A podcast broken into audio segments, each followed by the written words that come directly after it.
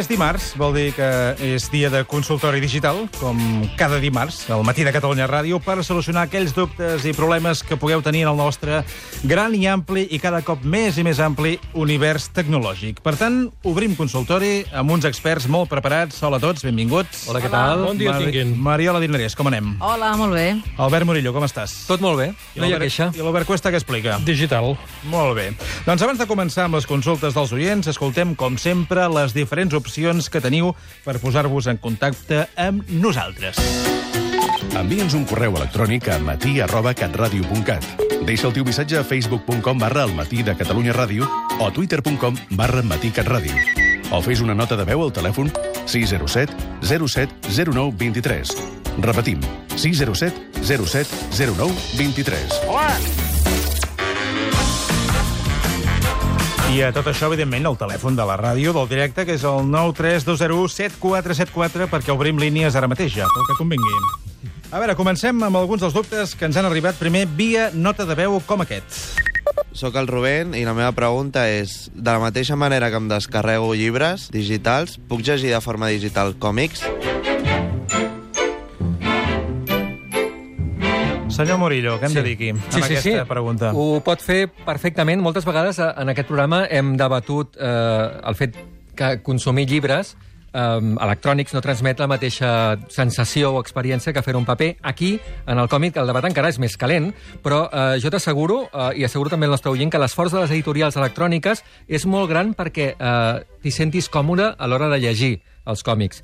Primer, uh, Marvel, DC Comics, tenen el seu apartat de còmics digitals molt pensats per ga- gaudir-los amb tauleta. Eh? Per aquí crec, penso que s'ha de llegir més en tauleta que no pas en mòbil. Clar, és que es veu molt bé, no? Molt Les millor. vinyetes i tot això. Exacte, mm. encara que ara, com que els mòbils també són molt grans, vull dir, també ho pots gaudir. Bona.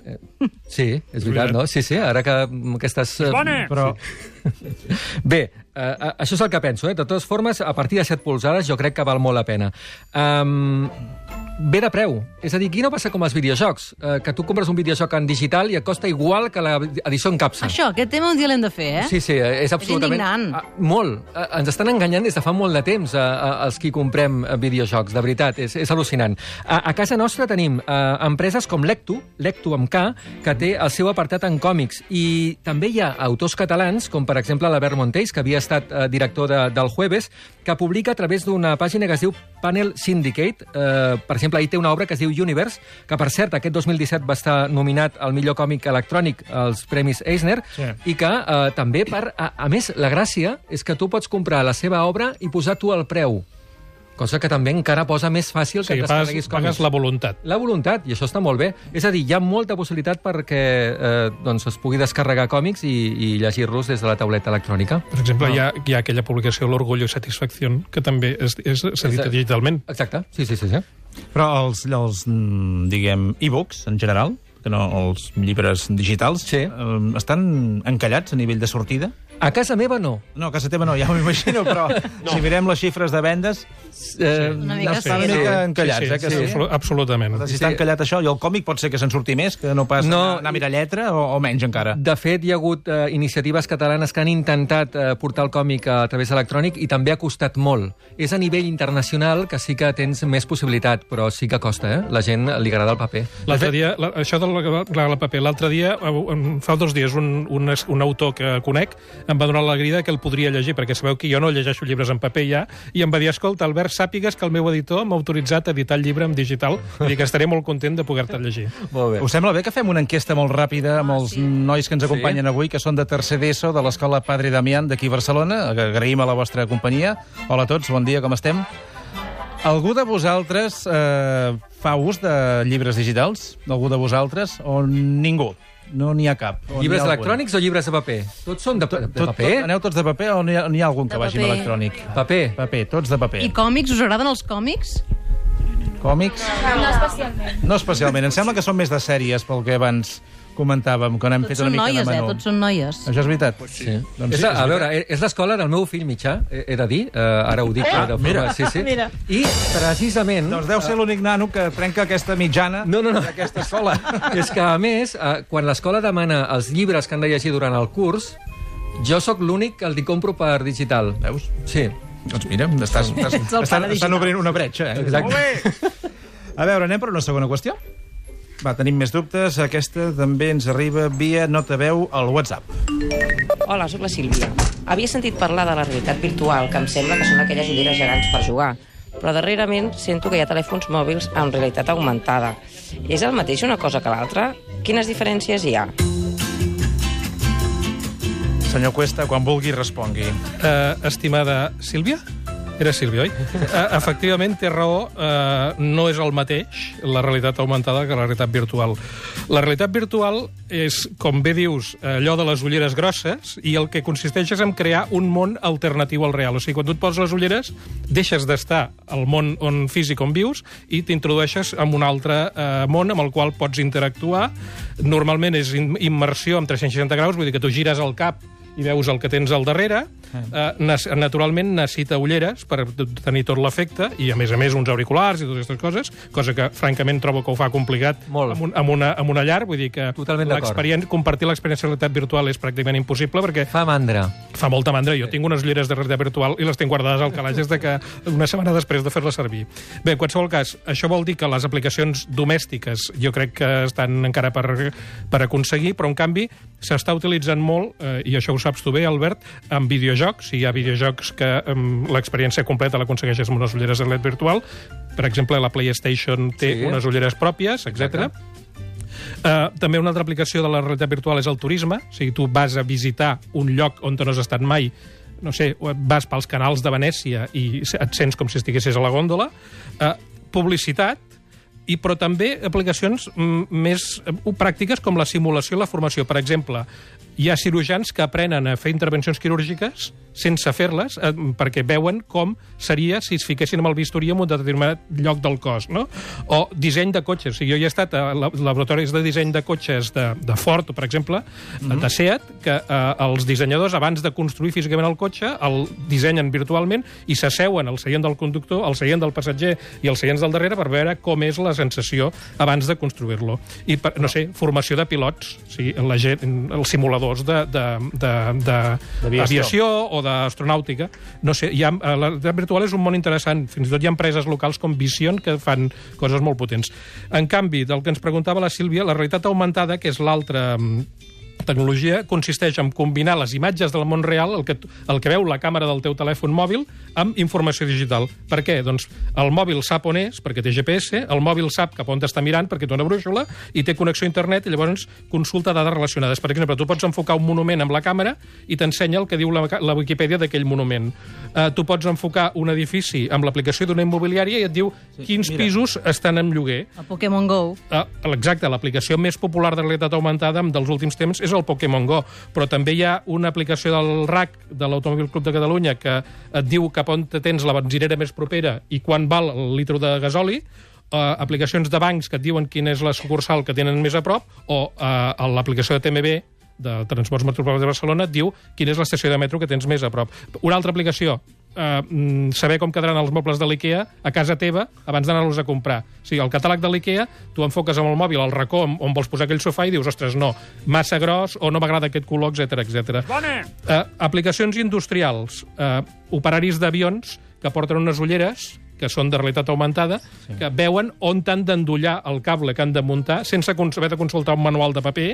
Eh, els Mossos de magatzem de DHL van pels magatzems amb unes ulleres que els diuen on és la capsa que han de, de recollir i posar al, al carro, o, per exemple, una aplicació molt xula que es diu eh, Flight Radar 24, que et diu on estan volant en aquell moment tots els avions comercials del món, que jo l'he portat i veus, ara l'estic estic enfocant per la finestra de Catalunya Ràdio cap al cel i veig que eh, està passant per sobre nostre el vol 8013 de Vueling que va d'Orlí a Barcelona. Ah. I em diu a quina distància sí. el tinc i quan trigarem a arribar. I fins i tot em diu quin model d'avió porta. I t'enganxa l'avió que en aquest moment t'està passant per sobre. Exacte. Escolta, quin estrès afegit de saber a dalt quanta gent hi ha. Com l'Estelarium, però en aquest cas amb... amb Ah, exacte. Les aplicacions, aquestes, les aplicacions aquestes de, moment, eh? de, de planetari també són molt, molt útils. No? A veure, es podria dir que Samsung i Facebook han apostat per la realitat virtual, amb les ulleres d'Oculus.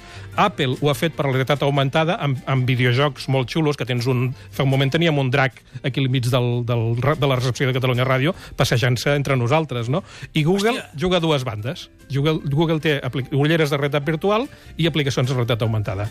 Doncs, I tu, eh, molt ràpidament, eh, Cuesta, amb què et quedes? Amb l'augmentada o amb la, amb la virtual? Jo, pel que dèiem abans, eh, a nivell consum em quedo amb la realitat augmentada perquè és més- una experiència més fàcil de compartir amb la gent que tens al costat. Nosaltres dijous, re, molt ràpidament, no sé massa detalls perquè ho explicarem dijous, però farem un projecte de sos racisme que està molt bé, amb realitat augmentada, amb com sents el racisme amb unes ulleres. Eh? Això és un projecte que és molt, molt interessant. No. Al pop-up en parlarem el dijous. Fantàstica falca del pop-up, eh, augmentada i virtual a dins de... Això se deia, no està apuntat, però se Oh, deia tant el que sí. estan dient. Anem per la tercera consulta. Hola, sóc l'Oriol. Acabo de sentir que al cap de setmana es va crear un grup de Telegram pel viatge a Brussel·les. Què és Telegram? Funciona com WhatsApp? És un grup com els de WhatsApp? S'estan movent coses, eh? T'estàs responent a sobre, eh? A Brussel·les, home, és que, clar, van sortint grups, van sortint missatgeries instantànies, brutal. Mira, ja el té obert aquest, eh, aquest grup de Telegram. Bé, de fet, Telegram és un servei de missatgeria instantània com WhatsApp, però amb algunes particularitats més. Jo ja fa dies que estic en campanya de Telegram per dir que és un canal de comunicació, ja no només és missatgeria instantània. A WhatsApp es pot parlar amb xat, amb una o amb un grup de persones, com sabeu. Sí. A Telegram es poden crear supergrups, fins a 30.000 persones, i canals de comunicació on no es pot respondre. És a dir, en aquest cas, només és un canal amb informació unidireccional, que és el cas que, que ens toca. El busques i t'hi uneixes per rebre informació només. Clar. Una altra de les diferències és que mentre a WhatsApp la gent et troba pel teu número de telèfon, a Telegram et pots fer una arroba, un nom i et troben així. No cal el, el número de telèfon. Això és, és bastant pràctic perquè a vegades et posen en un grup de WhatsApp i tothom ja té el teu telèfon sense que tu hagis volgut, que és una cosa que criticava moltíssim el- l'Albert Cuesta i amb molta raó que tenia. Bé, per tant, descarregar-te l'aplicació de Telegram i després buscar arroba, en aquest cas, eh, aquest viatge que s'està organitzant, cat omplim EU, eh? si poseu una arroba cat omplim EU, seria el, el canal de Telegram de, bueno, d'aquesta organització de viatge a Brussel·les. Primer havíem fet un grup de Telegram, però era un caos perquè es formaven converses, tothom anava dient coses, va ser bastant caòtic aquest cap de sí. setmana. Bastant. Però clar, en el cas del canal d'informació és unidireccional, eh, bé, ja hi ha més de 40.000 persones. Eh? També han alertat que no es demanen diners perquè s'ha detectat alguna iniciativa fraudulenta que en demana. Eh? Escolta, sobre aquesta qüestió, no, Sí. no existeix no, una aplicació que et detecti uh, whatsapps que siguin mentides o que siguin fraus o que... Perquè No. la gent té No. ja una paranoia a sobre de si això que he rebut és cert o allò és mentida o, o Mira, te- tens un hem- correu. ens hem d'autoregular entre després tots. reps un contracorreu. Per exemple, Clar. eh, corria fa uns dies que si a les 10 de, de la nit s'havia de de desconnectar certs aparells electrodomèstics sí. eh, perquè això no. era una protesta, després sortia un altre contra WhatsApp dient això és una borricada, l'únic que feu és perjudicar... El que hem de fer molt Eh, és, abans de redifondre, perquè també és, és, és un perill, la, persones que reps una cosa, hi ha gent que té la tentació de sempre de redifondre allò que rep. No, primer ens ho llegim, contem fins a 10, i si no sabem ni de qui ve ni d'on ve, no cal que ho continuem redifonent, no? És a dir, que entre tots ens hem d'autoregular, és el mateix que amb les xarxes socials, eh? Vull dir que no és una cosa matemàtica, sinó que entre tots, a la mesura que anem coneixent com van les xarxes, potser n'aprendrem més. Saps què està passant, Mariola? Què? Eh, parlant de xarxes socials. Eh, com sabeu, ja el, el programa té un, un perfil de Twitter i sempre eh, tothom pot anar a les mencions per veure en quin ritme la gent va responent eh, qüestions, et mencionen o no et mencionen. Doncs bé, diguem que la ressaca que estem arrossegant de l'entrevista que hem fet eh, des de Bèlgica fa una estona és tan gran, però tant, que és impossible posar-te al dia i veure si hi ha alguna consulta en relació al nostre tema d'ara, perquè tothom està piulant de forma, i repiolant i, i, i, i fent mencions constants, constants de l'entrevista La veritat que és que el trànsit a l'aplicació ha estat espectacular aquest matí. És, és evident que és la, és la notícia, no només del dia, sinó de la setmana, saber què és el que, que tenen a dir des de Brussel·les. I la veritat s'ha notat moltíssim i les xarxes han estat tot el matí planíssimes. Per això de trobar de què parla la gent i buscar els tuits, eh, es van inventar els hashtags, les etiquetes. El que passa que, evidentment, no tothom les fa servir. De fet, eh, només un exemple, eh, fa un parell o tres d'horetes, allò, eh, he començat a recular una mica enrere, eh, amb el timeline de, de mencions, allò que tires enrere, no sé, 80 mencions, 100 mencions, i miraves el temps que havia passat d'aquella menció número 80 o número 120 enrere. I eren minuts. Eh, no, no, segons. Segons. Imagina't. 7 segons. Dic, caram, és que això, això ho està literalment patant. A, a mi una de les coses que m'agrada molt de Twitter, que és un dels canvis que van fer, és a, a, aquesta, que es veu a temps real els retuits que vas tenir en un missatge. Ah, sí, que que va van pujant, és que és tan emocionant aquest moment.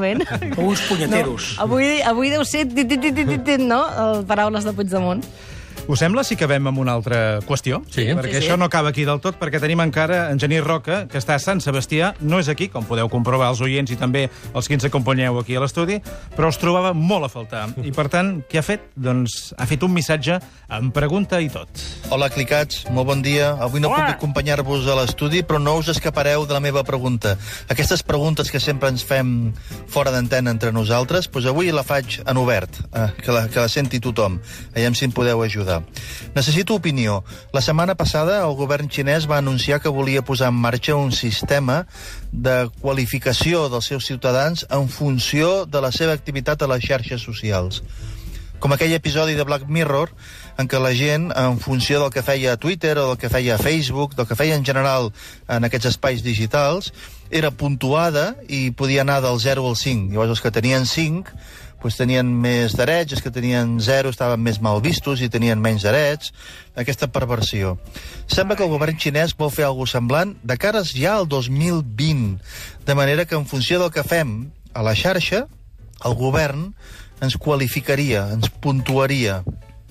Creieu que això és possible? Això pot acabar passant? Això del govern xinès arribarà siguent una realitat? I si fos una realitat, uh, sou bona gent i a mi em puntuaríeu... Que, que, quina nota em posaríeu? Quina nota, us- quina nota us posaríeu entre vosaltres? Uh, ai, ai, ai. Com ho veieu, això? Passarà? No passarà? Sortirem ben puntuats? Vinga, va, que us escoltaré. Abraçada. No només passarà, sinó que ja està passant. O sigui, el govern xinès està plantejant eh, generalitzar-ho a tota la Xina el 2020, però ja fa uns mesos que ho està provant a diverses ciutats, eh, algunes d'elles amb milions d'habitants. Eh? És molt curiós perquè eh, tot això de la reputació, del, del nombre, eh, jo fa molts anys que ho faig servir en el món dels videojocs, on tu per jugar, per passar-te nivells, etc etc tens una reputació És que sí. que després Però- es veu per als altres jugadors, sí. però A- passar això- això, això- l'entreteniment És que a, això a la que estem realitat... dient ja està passant. TripAdvisor és això. Però això, a fi de comptes, a veure, si t'han de posar nota, per exemple, a Mariola, li posarem del 0 al 10, el govern li posa un 7. El que hem de saber són els paràmetres, Exacte, no? que mira, Facebook, si tens fotos que vas una mica... El problema és que passar hi ha de sospites voltes i- malament del govern xinès, no? O sigui, què? Conform... Mira, una de les Si coses fas un que... tuit contra el govern, et, et resta una dècima? Sí, i et donen menys crèdit. A a la Xina ja funciona una cosa que es diu el sèsam, el crèdit de sèsam, eh, que el fan servir Alibaba i Tencent, i segons el crèdit que tens, eh, t'acceleren o et frenen determinats tràmits eh, administratius a la xarxa. Eh, amb el cas de la Xina, clar, és fàcil d'aplicar, perquè, clar, l'activitat digital de la Xina està completament monitoritzada. El govern sap exactament el que fas, però no només l'activitat digital. Sigui, recordeu, em sembla que vam parlar aquí, a la Xina ja són capaços de, amb la quantitat de càmeres que tenen al carrer, reconèixer la imatge d'una persona entre 1.500 milions amb només 3 segons. Clar, llavors, si tu, eh, algú està fent una cosa lletja al carrer, saben qui és, i llavors poden vincular-lo amb el que està, amb el que, amb el que fa, amb la seva presència digital, amb la seva identitat Clar, però, digital. per exemple, en el cas del capítol de Black Mirror, jo me'n recordo que vaig estar bastant ratllada durant una setmana, no? O sigui, a veure, perquè la gent que no hagi vist aquest episodi, vas caminant i veus una persona al teu davant i diuen, aquesta té un 7. Uh, mires un noi, aquest un 3, el 4. Això recordo que ho feien, a la, ho feien a la facultat, els nois, mm, i era molt diferent. També posaven nota a les noies que passaven, viceversa de vegades. Eh? Facebook- També era molt Això cruel, eh? Això era molt vell, això era molt Facebook va néixer Això exactament així, eh? Sí, sí, sí. Facebook, o sigui, l'origen de Facebook és això. El Mark Zuckerberg va muntar una web perquè els alumnes puntuessin a les alumnes. Jo el que tinc clar que si això alguna vegada arriba seré de la resistència absoluta i no em voldré saber absolutament res. Tindràs, Ah, un, no. men tindràs un menys 3. Sí, sí, no, no, tindré una, o una lletra, potser, saps? Per, per Al. Twitter, per exemple, ja hi ha una nota que et posa el cloud, que és la influència que tens a Twitter, que això també és una nota, eh? Sí. És a dir, que... Sí, sí, sí, sí. Vull dir que tampoc estem tan lluny No, no, d'anar-nos és puntuant, veritat. eh? Per cert, quina nota li poseu al Genís, ja que ens ho preguntava? Uh, de, de quan és? Clar, que, que, quin paràmetre No, posarà el posem- xinès? De l'1 al 10? No sé, posem-hi nosaltres així el típic No, model d'aquí, de l'1 al 10, no, aquí? No, jo, jo posaria una lletra amb ell també, és a dir, ell està fora de tot ranga. De tot rang, perdó. Resposta diplomàtica sí. No, impecable. però és el que dèiem, els paràmetres s'han de saber, també, no?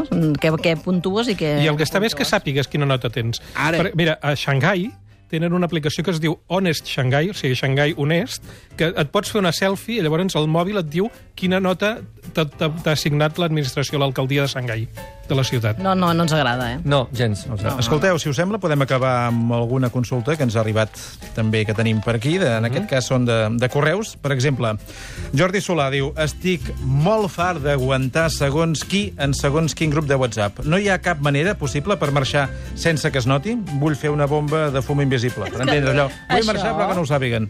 Jordi, Jordi, no, no uh, manera. marxa i fes-ho palès, i que tothom ho sàpiga. És que... No, no, no, jo, jo aprofito per dir una, una Home, broma, per una broma que es pot fer per WhatsApp, que és molt divertida. Mira, tu et guardes en el teu grup de contactes eh, amb, un, amb el teu número, en lloc de dir el teu nom, poses una frase. Aquest grup de WhatsApp és molt pesat, en lloc de posar Mariola Dinarès, per exemple. Llavors, eh, quan t'entren en aquest grup, surt aquesta frase. Ah! T'agrada? és una brometa simpàtica. Va, No, però sempre sortir, es, es veu quan marxen, eh? Jo estic amb el Murillo, ha vull dir, si no? marxes, que es noti que marxes. Sí, i tant. adéu, adéu, adéu. Sí, sí, hem de parlar sempre. Però hauria d'haver-hi opcions de motius, si no? marxes A, per B, alguna C. raó tens, no per marxar, Clar, que se sàpiga, exacte, clarament. sí, sí. I va, acabem amb la Mercè Soriano, que també ens n'ha enviat un altre. Diu, tinc ganes de tornar als clàssics. Vull un mòbil que només truqui i enviï SMS, sense internet ni aplicacions. En puc trobar algun al mercat? Albert? Nokia 31, 3310, 50 euros, i no només té això, sinó que només té ràdio FM i lot, l'interna. Vull dir que, què, vol, què més vols? I ara, i, i ara uh, pre i post 1 d'octubre han anat molt buscats, aquests, eh? Home, els mòbils antics. Jo, va, a l'última anat manifestació vaig anar amb un, 30, amb un mòbil- d'aquests per poder escoltar Catalunya Ràdio, perquè està clar que si l'has d'escoltar per internet i els mòbils cars ara ja no tenen FM, doncs estàs perdut. Doncs queda clar les opcions pràctiques que tenim en els dies que poden venir o no, ja ho veurem. Escolteu, moltes gràcies Gràcies per a acompanyar-nos. disposar. I res, a la setmana que ve més, oi, que diuen? I tant. Adéu. Adéu-siau. Adéu-siau. La cobertura de wifi no t'arriba a totes les habitacions de casa? No. No saps quin mòbil comprar-te? No, Ara mateix no caigo, no. Vols desaparèixer de Facebook i no saps com fer-ho? Ara. Aquesta temporada, al matí de Catalunya Ràdio, obrim consultori digital. Ara, ara sí! Albert Cuesta, Mariola Dinarès, Genís Roca i Albert Murillo resolen els teus dubtes. Cuanto peor, mejor para todos. Y... Deixa'ns una nota de veu al WhatsApp del 607 07 09 23. Repetim, 607 07 09 23. Hi ha preguntes que no tenen resposta. O envia'ns un correu a matí arroba catradio.cat. Cada dimarts a les 11, consultori digital. Muy bien. Al matí de Catalunya Ràdio, amb Mònica Terribas.